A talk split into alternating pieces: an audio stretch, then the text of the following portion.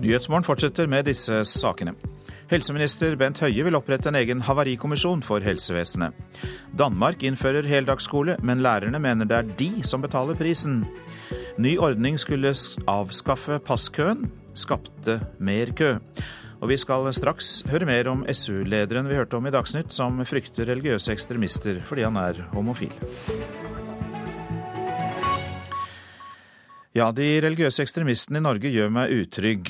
Det hørte vi nyvalgt leder i Sosialistisk Ungdom, Niklas Wilkinson, sa i Dagsnytt. Han mener myndighetene, religiøse ledere og politiet må gå sammen for å hindre hatvold mot homofile. Du føler et behov for å beskytte deg, eh, og beskytte den du er sammen med så fort som overhodet mulig. Eh, og prøve å jage dem bort. Oslo sentrum en sein kveld. Nicholas Wilkinson leier kjæresten Sebastian på vei hjem fra fest. Idet de runda et hjørne, kom tre menn etter. Han veit fremdeles ikke hvem. Ja, de ropte jo homo ja, diverse skjellsord om, om eh, sex og samleie, om man kan si det sånn. Ja. Paret prøvde å overse dem. Eh, inntil jeg eh, får et slag i bakhodet. Wilkinson forteller at det ikke er alle steder han tør å holde kjæresten i handa på kveldstid. Religiøse ekstremister i Norge gjør meg utrygg. Det er fordi jeg, som veldig mange andre homofile, eh, frykter hatvolden som vi vet at eh, mange av våre venner utsettes for. Vi har kommet veldig langt i homokampen i dag, men det er noen miljøer som henger etter. Og der er det jo de religiøse ekstremistene som utmerker seg. Hvor de offentlig uttaler gang på gang at både homofile, men også kvinner, er annenrangs borgere. Og det legitimerer vold. Han mener at styresmakter, politi, prester, imamer og andre religiøse ledere må gå sammen for å endre holdningene til de mest ekstreme. Ja, det hjelper sier Noor Ahmed Noor, som er imam i Fjell i Drammen. Han forteller at han allerede har et godt samarbeid med andre religiøse miljø. Vi jobber allerede mot uh, sånne situasjoner. Så vi tror på frihet, og vi tror på respekt med hverandre. Jeg tror at hvis vi alle sier at hatvold er uakseptabelt, uansett hvordan det oppstår, eh, så tror jeg vi skal komme framover. Reporter Eirin Årdal. Oddvar Torbjørnsen, god morgen til deg. God morgen. Du er jurist i Landsforeningen for lesbiske og homofile. og eh, Hvordan reagerer du ja, som jurist i den organisasjonen på de historiene du hører?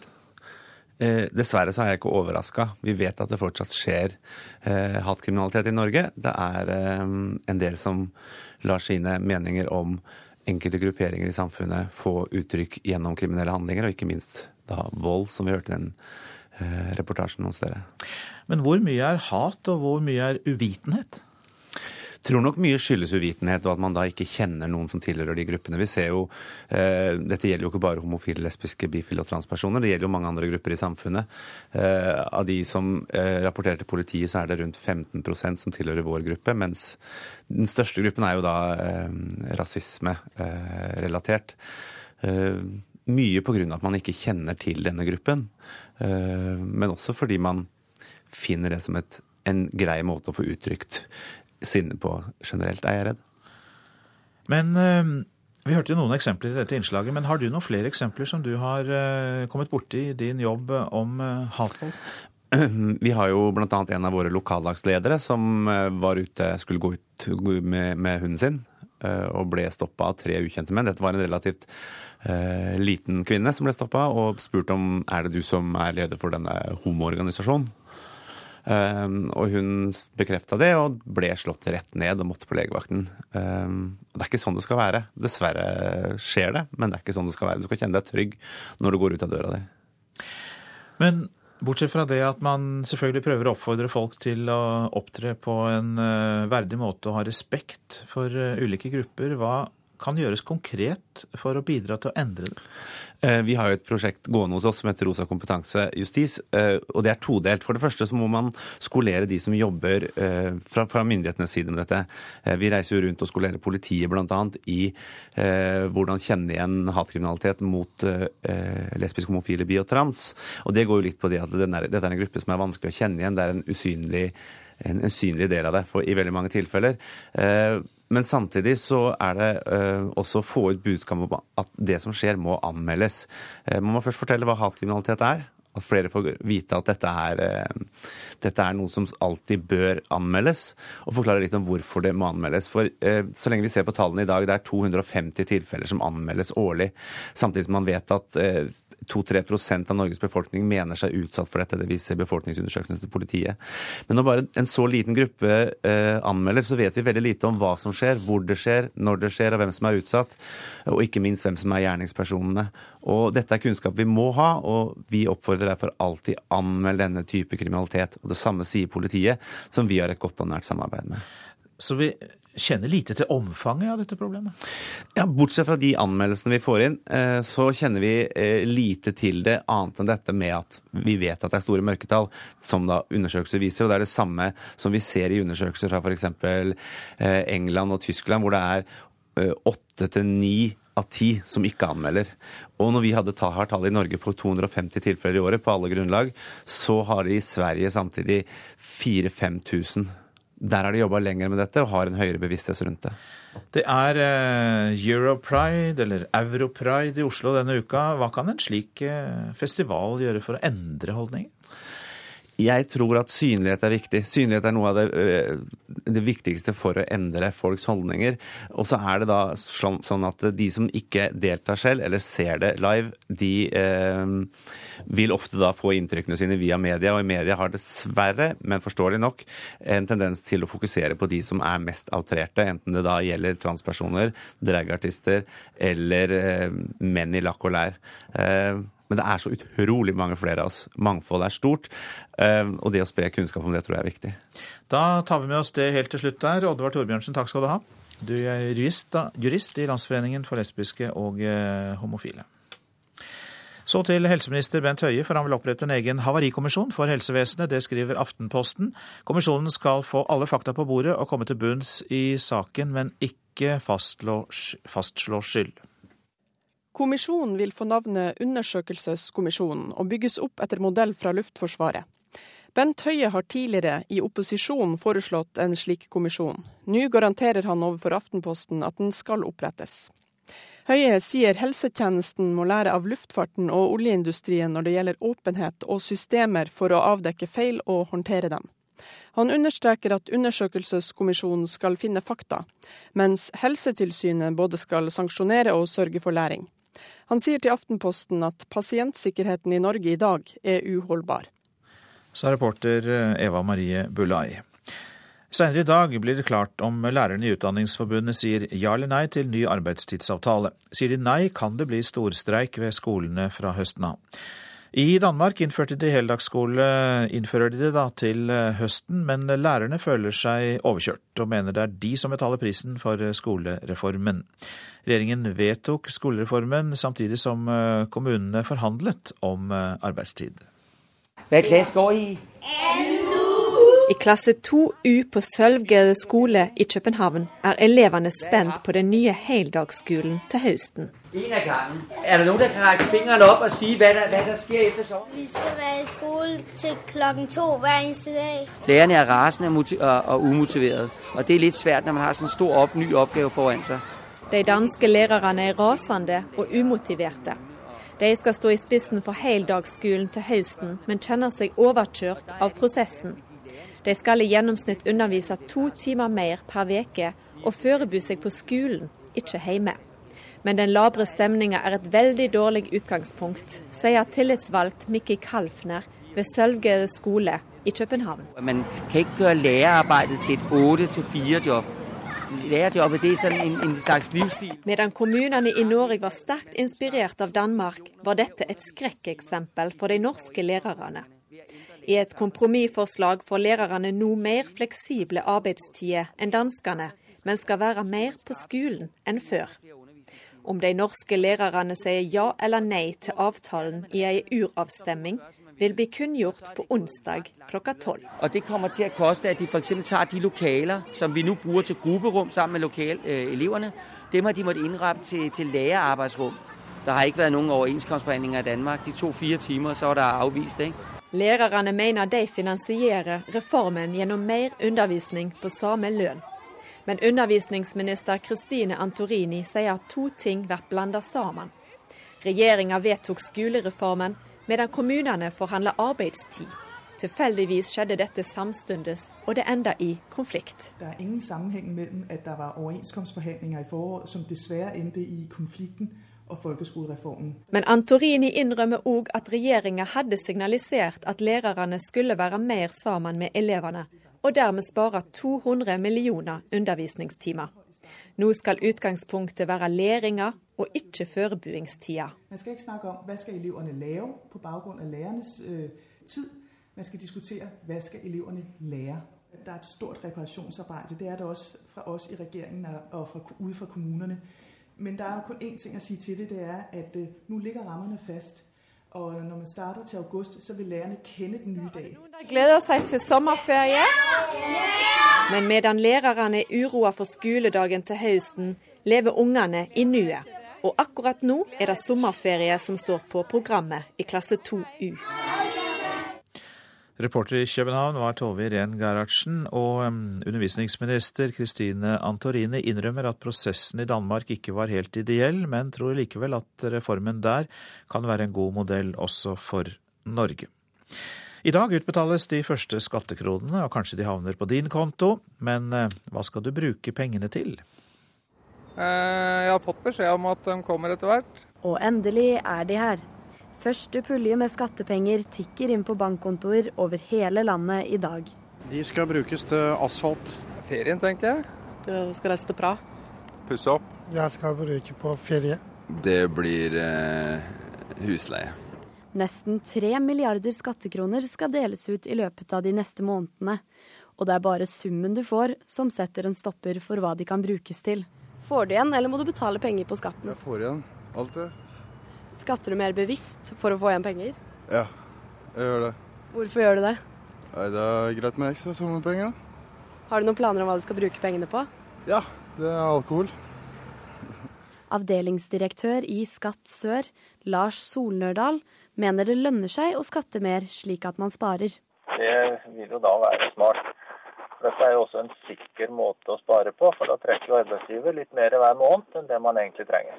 Selv vet han akkurat hva han skal bruke sine skattepenger på, nemlig Til en ferie. eh, Til høsten, når det begynner å bli kjølig i Norge, da tenker jeg meg en tur til varmere land. Så det skal jeg spare pengene til. Men selv om mer enn 80% av befolkningen fikk utdelt pengene i juni i fjor, er det ikke alle som er like heldige og får de helt ennå. Får du igjen, eller må du betale penger på skatten? Og Det vet jeg ikke noe om ennå. Det får ikke jeg vite før i oktober. Jeg. Så det skulle vært fint å vite det. Men eh, jeg er selvstendig næringsdrivende også, så det tar lang tid. Men eh, hvis du får igjen penger, har du noen planer om hva du skal bruke det på? Ja, da betaler jeg ned på gjelda mi. Og det var Anna Kristine Valderhaug som var reporter. Dette er Nyhetsmorgen. Klokka passerte nettopp 7.16. Vi har disse hovedsakene. Det internasjonale fotballforbundet Fifa har åpnet disiplinærsak mot fotballspilleren Luis Suárez, som bet en motspiller under gårsdagens VM-kamp. Religiøse ekstremister i Norge gjør meg utrygg fordi jeg er homofil, sier nyvalgt leder i Sosialistisk Ungdom. Helseminister Bent Høie vil opprette en egen havarikommisjon for helsevesenet, skriver Aftenposten. Og bøndene må slutte å protestere, nå må de samarbeide om endringer, sier Sylvi Listhaug. Mer om landbruksministerens utspill snart. Men nå til en annen statsråd, utenriksminister Børge Brende, god morgen. God morgen, god morgen. Du er i Brussel, det er utenriksministermøte i Nato der, og et av temaene er Ukraina. Russlands president Vladimir Putin har jo bedt det russiske føderasjonsrådet oppheve det mandatet de ga ham om uh, muligheter til invasjon av Ukraina. Hva er din reaksjon på det? Det er jo positivt. Det skal jo selvsagt være en selvfølge at et annet land respekterer et land, annet lands uh, grenser. Men det vi nå trenger eh, i Ukraina, er jo at partene snakker sammen, og at Porosjenko, presidentens fredsplan, blir etterlevd, og at man respekterer den plan som nå er lagt også knytta til en våpenhvile. En av separatistgruppene i Ukraina legger ned våpnene. Hvilke forhåpninger har du da til denne fredsplanen du nevner, som Ukrainas president Petro Porosjenko har lagt fram? Dette endrer jo seg fra dag til dag. I går så ble jo, og dagen før så ble det jo skutt mot ukrainske styrker. Et helikopter ble jo skutt ned. Men det vi håper nå, og skal jo være samtaler med Ukrainas utenriksminister i dag, er jo at Russland begynner å snakke med president Porosjenko om den fredsplanen som er lagt. At etter hvert så vil de separatistgruppene avvæpnes. Men det krever økt lokalt selvstyre i de østlige eh, provinsene for å kunne gjennomføre dette. Og Hvis Ukraina skal komme ut av det økonomiske uføret eh, de er i, eh, så betinger det eh, fred, og at ikke ressursene nå brukes på å eh, krige mot hverandre. Dialog og selvstyre er vel stikkord i det du sier der, Børge Brende. Men eh, hva bør Natos rolle være her? Nato har jo uh, ingen formell uh, rolle når det gjelder å forsvare uh, Ukraina, men Ukraina er en partner med Nato. Og Nato har jo gitt råd, representasjonskontor. Det avgjørende nå er jo å finne politiske løsninger i Ukraina. Det finnes ingen militære løsninger uten en forståelse mellom Ukraina og Russland. Men Russland må jo respektere den territorielle integriteten eh, til Ukraina. Det må jo være utgangspunktet. Og Sånn sett så var det jo et første positive skritt at eh, president Putin eh, gjorde det klart at statsdumaen nå skal trekke tilbake den fullmakten som er gitt til Russland om i et gitt tilfelle å kunne intervenere militært også i Ukraina.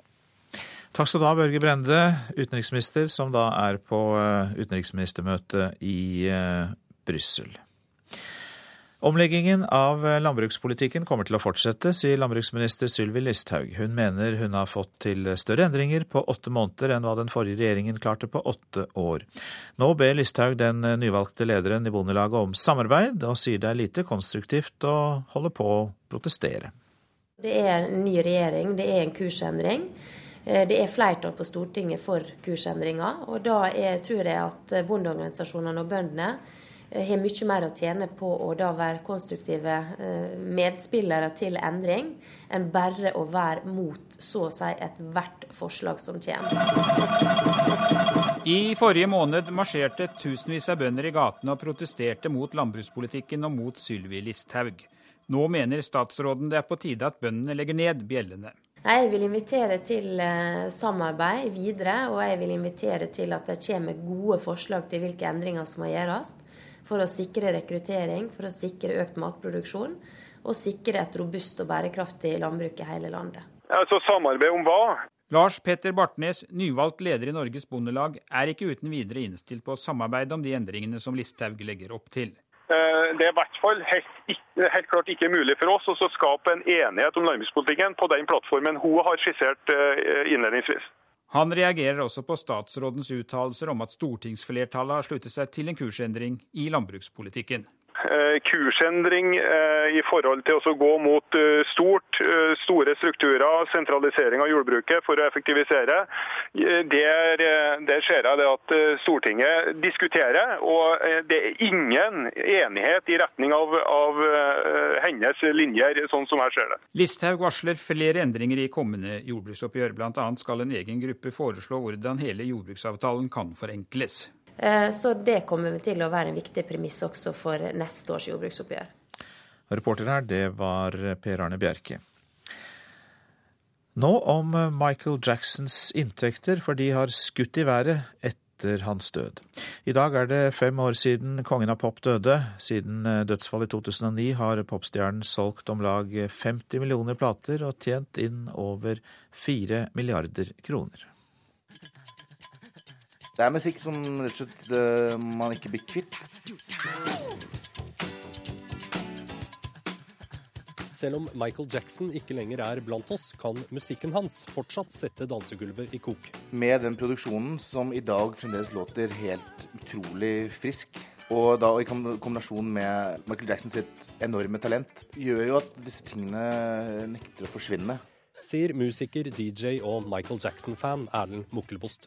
I dag er det fem år siden verden fikk meldingen om popstjernens bortgang.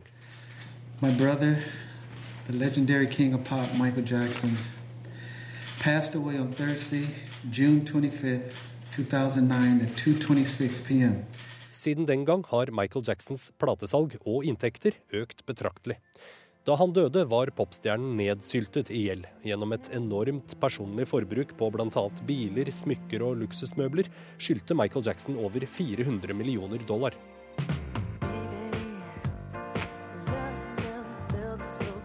Fem år etter er gjelden snart nedbetalt, og inntektene strømmer inn til Jackson-boet. Albumet 'Escape', som ble gitt ut tidligere i år, gikk rett inn på førsteplassen på albumlistene i mange land. Det er jo ganske mange eksempler på kunstnere som har gjort det enda bedre som døde enn som levende. Elvis Presley var et glanseksempel. Sant? Men uh, jeg tror det er to ting som det er med å gjøre. Det ene er myten, altså at myten og legenden lever videre. Uh, men så er det at selve musikken lever videre sier musikkviter og førstelektor ved Norsk institutt for scene og studio, Audun Molde. Og Hvis man virkelig skal få et oppspring som, som varer i, i, lang lang tid, så må jo selve musikken være bra. Det må være nok mennesker som opplever den som relevant, og så må den være tilgjengelig på alle musikktjenester.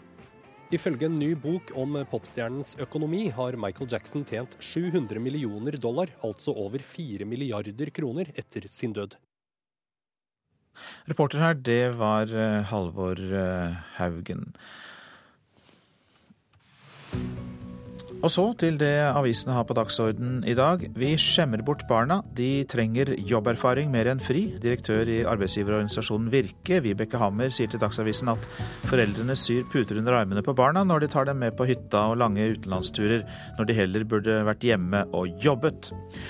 Ti måneder etter at Hardangerbrua åpnet, venter tolv polske elektrikere fortsatt på lønn som Vegvesenet holder tilbake fordi polakkenes danske arbeidsgiver er gått konkurs. Det dreier seg om mange penger og en vanskelig situasjon, sier Lesek Njevskij til Bergens Tidende. Han har 350 000 kroner til gode. Stopp, ellers blir norsk ungdom kanonføde, sier ungdomsarbeider til Vårt Land. Iklak Khan, som jobber med ungdom i Bærum, sier karismatiske jihad-misjonærer leter etter disipler i Norge, og at norsk ungdom blir lokket til krigen i Syria med et budskap som er pakket inn i kvasi-islam. Prisfest i boligmarkedet i tre nye år, sier Dagens Næringslivs ekspertpanel. Høy inntektsvekst, lavt rentenivå, høy befolkningsvekst og lav boligbygging. Det bidrar til at boligprisene trolig vil fortsette å stige fram til 2017. Sylvi Listhaug sier til Nasjonen at hun oppnådde akkurat det hun ville i jordbruksforhandlingene. Vi gjennomførte de største forenklingene noensinne og de største strukturendringene siden 1970-tallet, sier landbruksministeren. Gjenger, MC-klubber og ranere i et skjult kriminelt nettverk, skriver Dagbladet om i dag. Politiet på Romerike mener å ha avdekket et narkonettverk på tvers av kjente gjenger og fiendskap. Skadd pilot hjalp passasjerer ut, skriver Adresseavisen. Da nødetatene kom fram til det styrtede helikopteret på Hjerkinn, var alle passasjerer uskadd. De var blitt hjulpet ut av piloten som selv var blitt skadd. Piloten gjorde en særdeles god innsats, sier politiets innsatsleder der, Jørn Morten Sletta.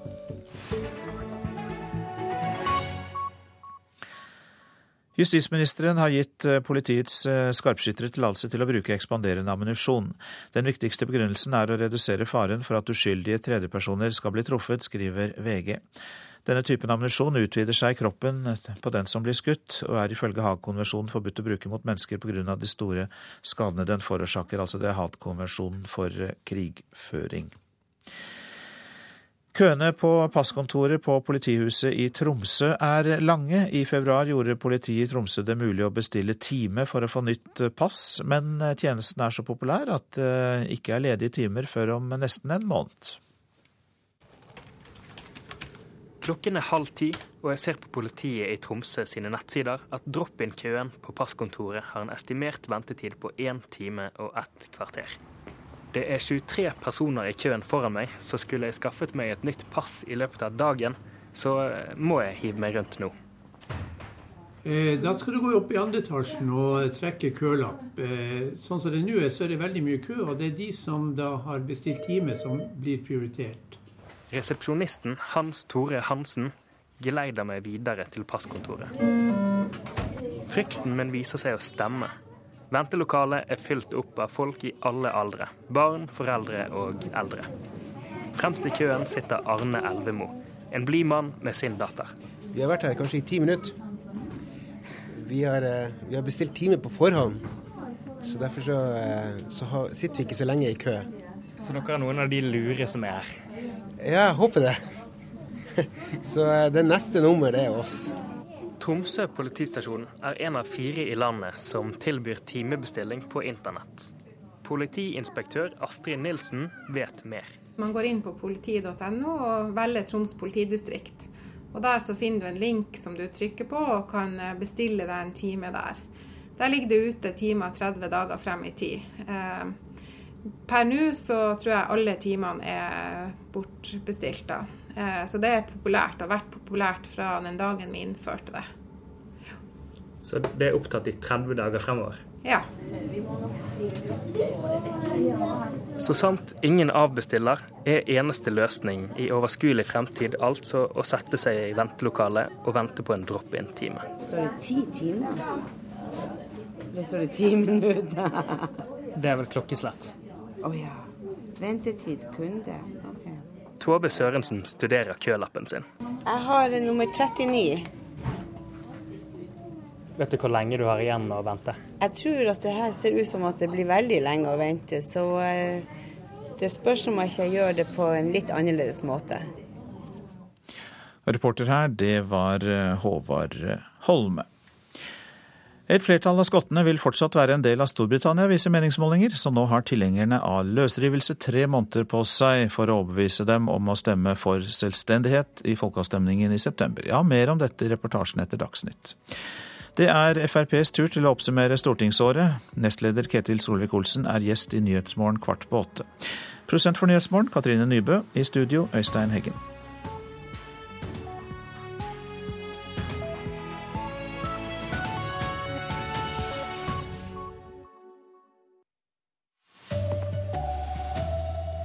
Religiøse ekstremister i Norge gjør meg utrygg fordi jeg er homofil, sier den nye lederen av Sosialistisk Ungdom. Uruguays stjernespiss kan bli utestengt fra VM. Suárez satte tennene i motspiller. Og han døde for fem år siden. Siden da har han solgt 50 millioner plater. Her er NRK Dagsnytt, klokken er 7.30. Ja, religiøse ekstremister i Norge gjør meg utrygg. Det sier den nyvalgte lederen i Sosialistisk Ungdom, Nicolas Wilkinson. Han mener at flere religiøse miljø må gå sammen for å hindre hatvold mot homofile. Du føler et behov for å beskytte deg, eh, og beskytte den du er sammen med så fort som overhodet mulig. Eh, og prøve å jage dem bort. Oslo sentrum en sein kveld. Nicholas Wilkinson leier kjæresten Sebastian på vei hjem fra fest. Idet de runder et hjørne, kom tre menn etter. Han veit fremdeles ikke hvem. Ja, de ropte jo homo ja, diverse skjellsord om, om eh, sex og samleie, om man kan si det sånn. Paret prøvde å overse dem. Eh, inntil jeg eh, får et slag i bakhodet. Wilkinson forteller at det ikke er alle steder han tør å holde kjæresten i handa på kveldstid. Religiøse ekstremister i Norge gjør meg utrygg. Det er fordi jeg, som veldig mange andre homofile, eh, frykter hatvolden som vi vet at mange av våre venner utsettes for. Han mener at styresmakter, politi, prester, imamer og andre religiøse ledere må gå sammen for å endre holdningene til de mest ekstreme. Ja, det hjelper. Sier Noor Ahmed Noor, som er imam i Fjell i Drammen. Han forteller at han allerede har et godt samarbeid med andre religiøse miljø. Vi jobber allerede mot sånne situasjoner. Så vi tror på frihet, og vi tror på respekt med hverandre. Vi har kommet veldig langt i homokampen i dag, men det er noen miljøer som henger etter. Og der er det jo de religiøse ekstremistene som utmerker seg. Hvor de offentlig uttaler gang på gang at både homofile, men også kvinner, er annenrangs borgere. Og det legitimerer vold. Og reporter her, det var Eirin Årdal. I dag utbetales de første skattekronene for de som har eh, penger til gode, og det finnes mye å bruke disse pengene på. De skal brukes til asfalt. Ferien, tenker jeg. Jeg skal reise til Praha. Pusse opp. Jeg skal bruke på ferie. Det blir eh, husleie. Ja, og Skattedirektør Hans Christian Holte, hvordan ser tallene ut i år når det gjelder baksmell og penger igjen på skatten? Jo, det er sånn at det er eh, ca. 3 millioner eh, av oss eh, som får skatteoppgjøret sitt i dag. Av de så er det 2,5 million som til sammen får igjen 28,5 milliard kroner på skatten. Det vil sånn røftlig si 11 500 kroner per hode. Men baksmellen, da? Baksmellen er det jo da en snau halv million som får. Eh, De ligger i snitt på rundt 13.500 kroner, så sånn ser tallene ut akkurat nå. Hvem er det som ikke får igjen eh, penger i dag? Det er de som har en litt mer komplisert økonomi. Det kan være personlig næringsdrivende f.eks. I tillegg så er det sånn at de som eh, har levert selvangivelsen på papir, de får ikke skatteoppgjøret nå. I år så satser dere også på ny teknologi for å gjøre det enklere for folk. Fortell. Vi tar i bruk et eh, kontaktregister som, eh, hvor folk som eh, kan tenke seg digital kommunikasjon med det offentlige, har registrert seg. Det betyr at vi nå har over to millioner nordmenn som nå kun får skatteoppgjøret elektronisk. De får det raskt. Vi sparer penger på det. De får det raskt og enkelt. Så det tror vi er en forbedring som flere vil bruke etter hvert. Men alle må ikke bruke det? Alle må ikke bruke det. Det er også mulig å reservere seg, så det er et eget register for de som fortsatt ønsker å motta post fra det offentlige og fra oss i skatteetaten på papir. Takk skal du ha, Hans Christian Holte, som også er skattedirektør. Landbruksminister Sylvi Listhaug mener hun har fått til større endringer i landbrukspolitikken på åtte måneder enn hva den forrige regjeringen klarte på åtte år.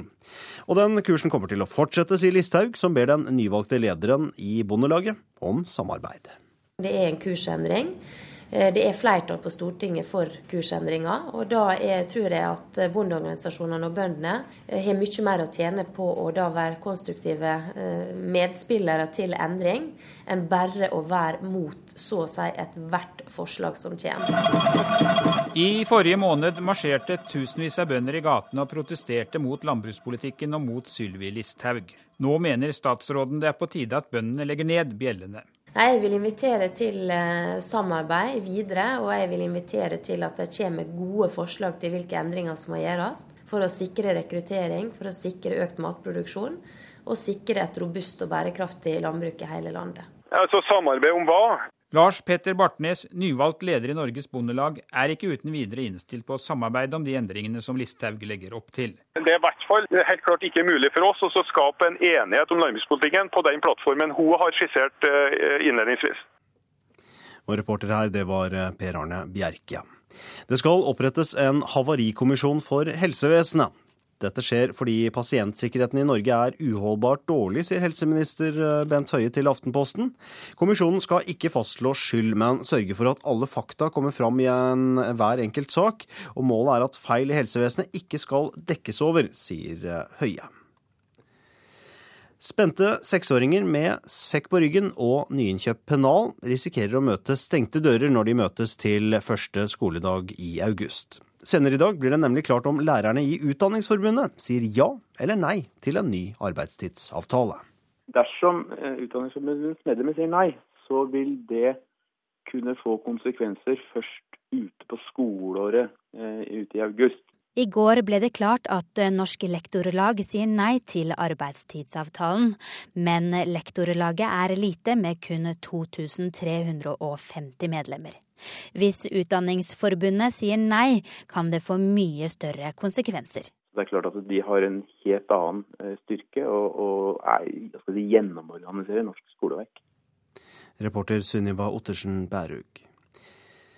Fifa åpner disiplinærsak mot Luis Suárez etter biteepisoden i gårsdagens VM-kamp mot Italia. Rugai gikk videre til åttendedelsfinalen etter 1-0-seieren. Og etter kampen så mente lagets trener at pressen er altfor streng mot stjernespissen. Suárez er et mål for pressen. De skriver heller om en feil han kan ha begått, istedenfor hvorfor han egentlig spiller fotball. Det sa Uruguays trener Tabarez. Den meksikanske dommeren så ikke situasjonen, men Fifa bekreftet i dag at det åpnes disiplinærsak mot Suárez. Uruguay har fått frist til i kveld for å gi sin side av saken og komme med relevant informasjon. Hovedpersonen selv avdramatiserte biteepisoden til uruguansk presse etter kampen, og sa at slike ting skjer på en fotballbane. Tidligere England-spiller Ian Wright håper Suárez får en streng straff. Jeg synes han skal utestenges. Man må alltid tenke på de unge som sitter og ser på.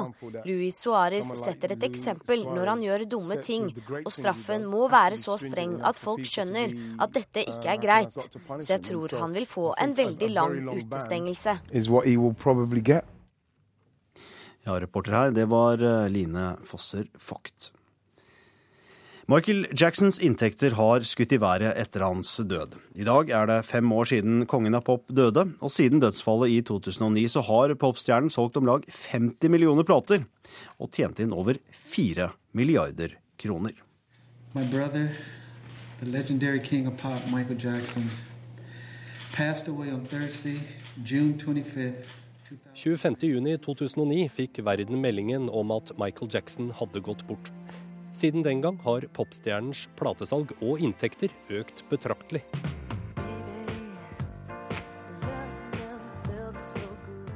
Ifølge en ny bok om popstjernens økonomi har Michael Jackson tjent 700 millioner dollar, altså over 4 milliarder kroner, etter sin død. Det er jo ganske mange eksempler på kunstnere som har gjort det enda bedre som døde enn som levende.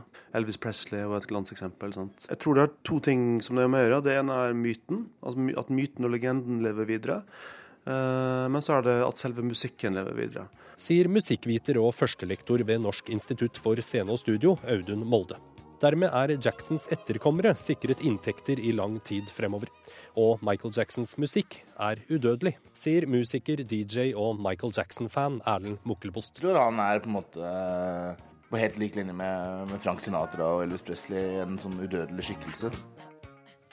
Reporter her var Halvor Haugen. Ansvarlig for Dagsnytt-sendingene denne morgenen er Anne Skårseth. Teknisk ansvarlig var Frode Thorshaug. Jeg heter Arne Fossland.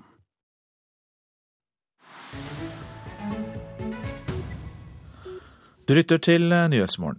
Snaut tre måneder før folkeavstemningen om uavhengighet for Skottland vil et flertall av skottene fortsatt være en del av Storbritannia. Men meningsmålingene viser også at stadig flere skotter kan tenke seg å stemme for selvstendighet, så nå er valgkampen i full gang fram mot folkeavstemningen 18.9. Og Anette Groth har laget denne reportasjen. I Radio Skottland går det ikke en dag uten innslag om selvstendighet. Og websiden til avisen The Scotsman driver nøyaktig nedtelling og legger ut meningsmålinger. 85 dager er det igjen, og 45% sier for øyeblikket ja til selvstendighet. Og selv om over 50% fremdeles vil bli i den britiske unionen, går pilene riktig vei for det skotske nasjonalistpartiet. Lederen Alex Hammond ser slutten på det han kaller en hundreårig historie.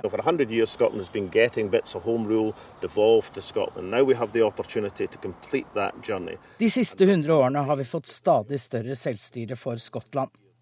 Med full uavhengighet fra Storbritannia ser vi slutten på den reisen, sier lederen for SMP, det skotske nasjonalistpartiet, Alex Hammond. Og han er ingen hvem som helst i denne debatten. Han har kjempet for skotsk selvstendighet siden han ble leder i 1990, og har sett partiet sitt gå opp og ned på meningsmålingene. Men i 2011 fikk partiet flertall i det skotske parlamentet, og Salmon, som er parlamentets førsteminister, grep muligheten for en folkeavstemning. This is a special moment, a moment in history, and I intend to enjoy the campaign. I intend to put everything, heart and soul, into this campaign, as will all of the people across the parties in the Yes campaign. We're all going to do that, and we'll try and take that case for a prosperous economy and a just society. Dette er et spesielt øyeblikk i vår historie. Jeg skal kose meg i denne valgkampen sammen med de andre ja-folkene. Vi skal overbevise våre landsmenn om at vi skal skape et rettferdig samfunn med blomstrende økonomi. Men ingen vet riktig hva et ja i folkeavstemningen vil føre til. Skal Skottland ha enerett på oljeutvinning i eget farvann? Hva med Forsvaret? Og hvilken valuta skal et selvstendig Skottland ha? Hva med EU? Ja, uansett blir det langvarige forhandlinger. Bedre sammen, heter nei-bevegelsen. Den ledes av Labour-politikeren Alistair Darling, som understreker at folkeavstemningen gir skottene bare én eneste sjanse. Ikke slik som det er i vanlige valg, hvor det svinger fra gang til gang. But in the case of this referendum, there is no on offer. Only a one-way ticket, which would be irreversible. The opportunity to think again would not arise. Sier vi ja i folkeavstemningen, er det ingen vei tilbake. Vi får ikke mulighet til å ombestemme oss, sier nei-bevegelsens Alistair Darling. Skottene har ennå snaue tre måneder på seg. Men skepsisen til myndighetene i Westminster er stor, og folk som Jim Farkerson drømmer om større selvråderett.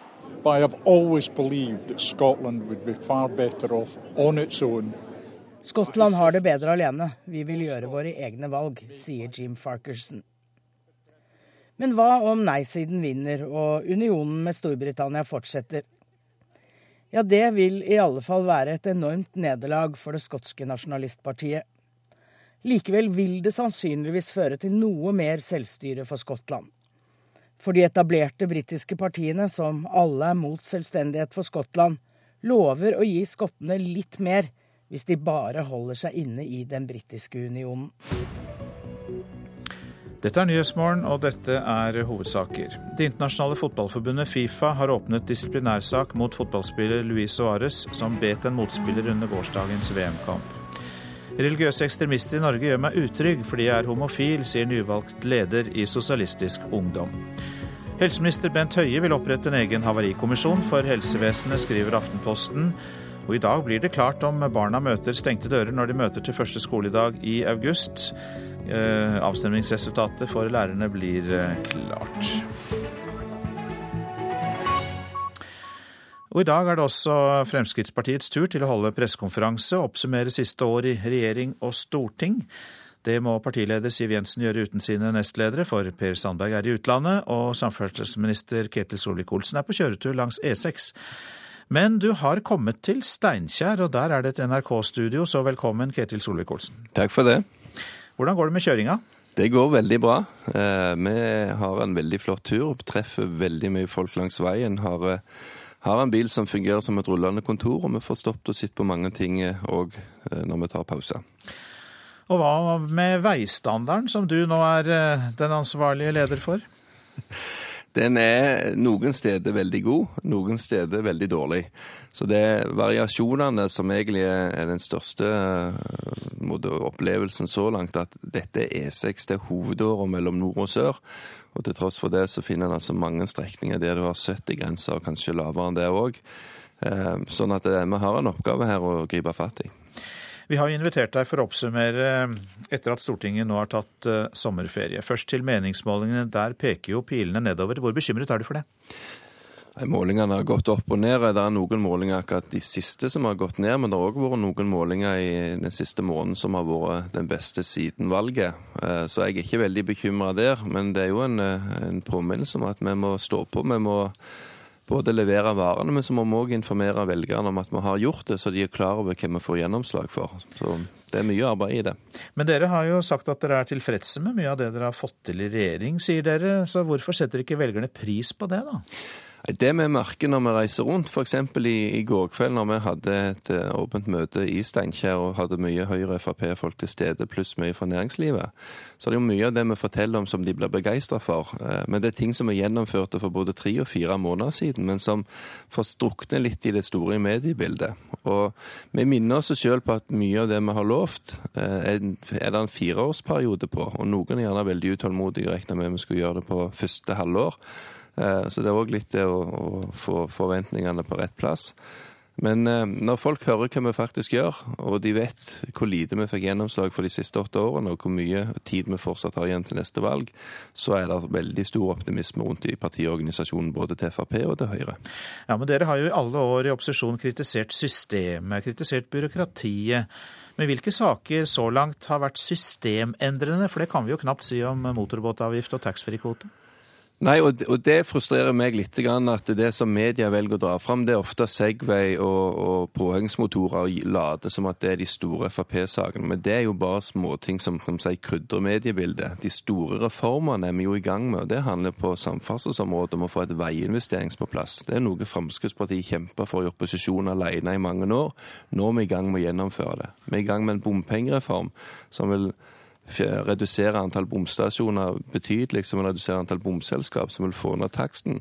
Vi får ikke vekk bomstasjoner, det er det ikke flertall for. Men vi klarer faktisk å få alle de andre til å eh, stemme for færre stasjoner, og det er viktig. Og Så har du det samme på helseområdet. Vi har lenge ønsket å ha mer stykkpris for å få økt pasientbehandlingen. Det holder vi nå på gjennomslag for få øremerking når det gjelder eldreomsorg i kommunene. Det får vi gjennomslag for.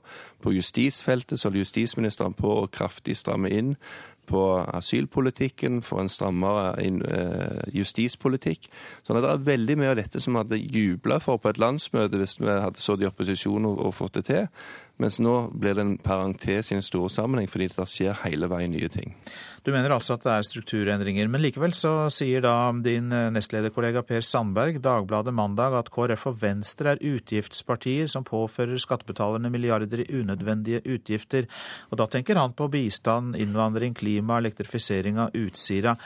Mener du også at KrF og Venstre er partier som påfører unødvendige utgifter?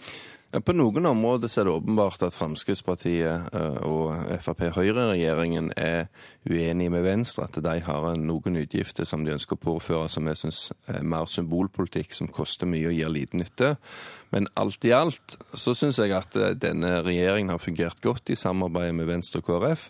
Vi får betydelig gjennomslag. Eh, KrF og Venstre får òg noen gjennomslag, men langt mindre. Men det er jo fordi at de velger å ikke sitte i regjering, og fordi de er mindre i størrelse. Så det at vi er uenige på noen områder, som PESA påpeker, det er ikke en nyhet i seg sjøl. Eh, og så gjelder det jo at vi fortsetter å kjempe for våre saker i regjering og få gjennomslag for dem, samtidig som Venstre og KrF òg må ha noen gjennomslag. For det er jo ingen som sitter i en regjering eller støtter en regjering hvis de ikke òg får påvirke. Så det er naturlig. Statsviter Anders Djupskås sier til tidsskriftet Minerva at eh, partier som lykkes, og kanskje da småpartier spesielt i regjering, er at de fører en politikk som er innenfor, men samtidig utenfor. Er det sånn at eh, ja, f.eks. du og Per Sandberg nettopp spiller de ulike rollene? Du er innafor, og han er utenfor. For det første, Fremskrittspartiet fikk 16,3% Det betyr at vi er et av de store partiene i Norge. Eh, men vi er ikke så store at vi kan diktere alt alene. Det er jo for å minne om at eh, f.eks. i bompengespørsmål og en del andre ting, når det gjelder handlingsregelen Vi skulle gjerne sett at vi investerte mer av oljeformuen vår i eh, infrastruktur, f.eks., for eksempel, fordi det er godt for norsk økonomi. Men vi må akseptere at når et samla stortingsflertall for øvrig mener at oljepengene skal spares i utlandet, så må vi forholde oss til det så er det eh, allikevel sånn at vi får veldig mye gjennomslag. Og jeg tror det er, Vi er lojale mot regjeringsprosjektet. Vi jobber veldig tett og veldig godt sammen med Høyre for å få eh, endringer i Norge til det beste for norske folk, til beste for næringslivet. Samtidig så er det sånn at vi endrer jo ikke våre standpunkt, vårt utgangspunkt. Og det er både for meg og for Per Sandberg å minne velgerne om hva Fremskrittspartiet står for, at i valget i 2017 så må en styrke oss eh, i dette samarbeidet, sånn at vi får mer gjennomslag for Frp-politikk. Eh, det syns jeg er helt legitimt. Og vi ser jo òg at Høyre eh, viser hvor de eh, gjerne mener noe annet enn det regjeringen gjør, fordi at det, i mange saker så er det Frp som har fått det største gjennomslaget. Da gjenstår å ønske god tur videre på E6 eh, nordover, Ketil Solvik-Olsen, fra Steinkjer der du nå er. Takk for det. Og nå til vår sommerserie, der dagens gjest sier at Europa er et fantastisk reisemål, der familien kan få både kos og dannelse.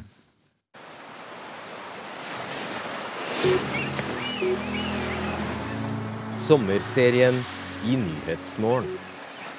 Navn? Ola Borten Moe. Yrke? bonde og ansvarlig for eh, innovasjon i Siva. Hvor skal du i sommerferien? Jeg skal til Brussel og Paris med mine barn. Ehm, og så skal jeg oppsøke finværet litt, tenkte jeg. Hvis det ikke kommer til Trøndelag. Og så blir det som vanlig litt eh, jobb og gårdsarbeid. Du har vel en slått du må gjennomføre? Nei, vi driver ikke med gras, men vi har uh, kylling.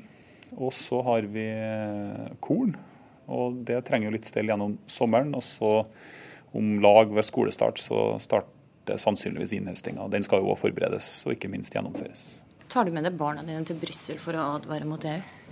Nei, definitivt ikke. Europa er jo et uh, fantastisk uh, reisemål. Og det er mye å se, og det er mye å uh, ha det artig med. Så altså, litt kos og litt dannelse og litt tur, tenker jeg. Så nå er de sju og ti og gammel nok til det. Jeg gleder meg litt her. Erna Solberg tjener 1,5 million i året. Er det for mye eller for lite? Nei, det er i alle fall ikke for lite. Jeg er ikke av den oppfatning at uh, landets statsminister uh, er for dårlig betalt. Kunne du sendt dine barn på privatskole? Uh, det har ikke vært et aktuelt tema for oss nå. Går, våre barn går på Nypvang skole, som er nærskolen der vi bor. Eh, begynner andre og i femte klasse. Men jeg har òg djup respekt for at det kan være mange ulike årsaker til at eh, barn eh, kan ha veldig godt av å gå i et annet miljø og på en annen skole. Og det er det alltid foreldrene som er nærmest til å velge og ta, ta ansvar for. Jeg syns det er greit at kronprinsparet sender sine barn på privatskole? Jeg syns først og fremst at det er deres valg. Eh, og så synes jeg, eh, Men så tror jeg dernest at de helt sikkert har tenkt gjennom eh, de signalene som man unektelig sender ut og kommuniserer til det norske samfunn som en konsekvens av et sånt valg. Sender det et dårlig signal, da? Det sender jo et uh, signal, men kanskje også fordi at sant, det her er sant, det er deres rett som foreldre å velge utdanningsløp for uh, sine barn. Jeg er helt sikker på at som de reflekterte folkene de er med, så har de tenkt gjennom det her grundig. Og jeg er helt sikker på at de òg har gått gjennom eh, hva det her kom til å resultere i av offentlig ordskifte og ikke.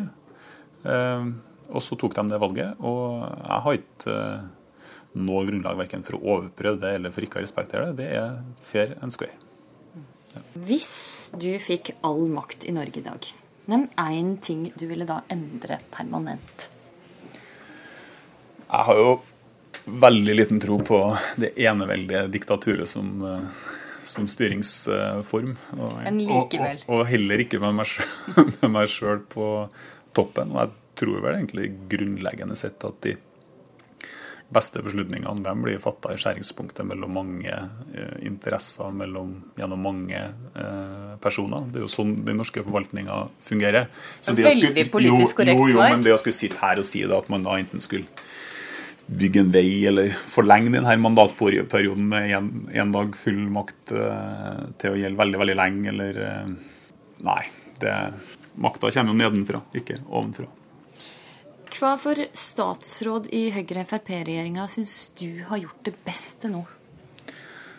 Jeg må innrømme at uh, Robert Eriksson fra Nord-Trøndelag, som arbeids- og sosialminister, har hatt en god start på sosial profil og engasjement rundt mange saker der. Jeg syns eh, det han gjør med arbeidsmiljøloven, eller foreslår å gjøre med arbeidsmiljøloven, er, er veldig feil.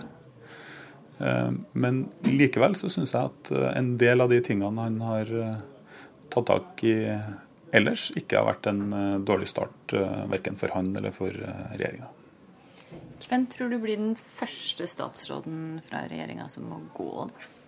Nei, det vil ikke jeg, det vil ikke jeg spekulere i. Nevn én person som du gjerne skulle rekruttert til Senterpartiet. Jeg skulle først og fremst uh, sett at vi blir enda mye bedre på å få inn nye folk. Men nå har vi da fått i 750 stykker på to måneder. Det vil jeg kunne kalle en, uh, en god start. Så er det lokalvalg neste høst.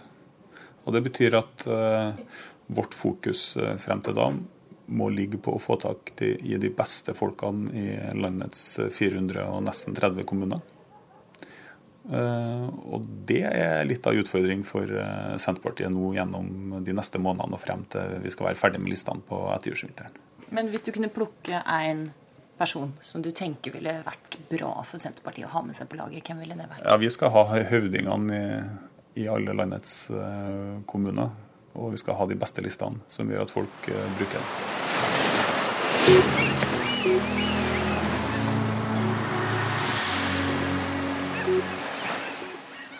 Og det var eh, Astrid Randen som møtte Ola Borten Moe. Så er det værvarsel fram til midnatt. Fjell i Sør-Norge. I østlige områder spredte regnbyger, særlig om ettermiddagen. Ellers stort sett opphold og til dels pent vær. Østland og Telemark varierende skydekke, enkelte regnbyger. Vesentlig indre strøk i ettermiddag og tidlig kveld, utrygt for torden. Agder mye pent vær, men enkelte ettermiddagsbyger, særlig da i indre strøk av Øst-Agder, og det er utrygt for torden. Rogaland og Hordaland utrygt for ettermiddagsbyger i indre strøk, ellers pent. Sogn og Fjordane og Møre og Romsdal liten kuling på kysten av Sunnmøre, ellers stort sett pent vær. Trøndelag skiftende skydekke, enkelte regnbyger. Nordland og Troms, i Lofoten og Vesterålen periodevis liten kuling, enkelte ettermiddagsbyger i indre strøk, ellers stort sett opphold og gløtt av sol. Finnmark skyet eller delvis skyet, enkelte regnbyger, hovedsakelig da i kyst- og fjordstrøk, først på dagen som sluddbyger i Øst-Finnmark. Nordland og Troms, i Lofoten og Vesterålen periodevis liten kuling. Enkelte ettermiddagsbyger i indre strøk, ellers stort sett oppholdsvær og gløtt av sol. Finnmark skyet eller delvis skyet, enkelte regnbyger, hovedsakelig i kyst- og fjordstrøk. Først på dagen som sluddbyger i Øst-Finnmark. Og så var det Nordensjøland på Spitsbergen, skyet eller delvis skyet oppholdsvær. Temperaturer klokka sju. Svalbard lufthavn sju, Kirkenes fire. Uh, Vardø fem, Alta og Tromsø seks, Bodø åtte åtte, Brønnøysund ni, Trondheim åtte, Molde ti. Bergen 11, Kristiansand 12, Kristiansand, så var det Nei, Stavanger 12, Kristiansand 10, Gardermoen 12, Lillehammer 11, Røros 4 og Oslo-Blindern 14 grader.